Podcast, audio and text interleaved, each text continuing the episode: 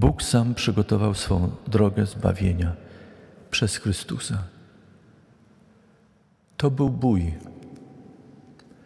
Jeśli my dziś, siostry i bracia, mówimy, że jesteśmy zbawieni z łaski, darmo, to pamiętajmy, to, że my możemy darmo przyjąć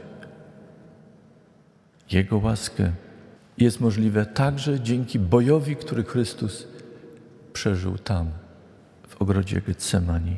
Pamiętajmy o tym. Jeśli myślicie, że Bóg was nie miłuje, o was nie myśli,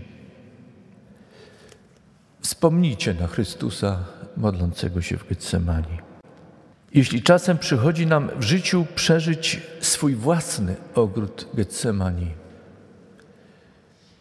kiedy musimy dźwigać krzyż, cierpienie i kiedy my także wołamy: Panie Boże, Ty wszystko możesz. Ty jesteś mocarny. Możesz to zmienić.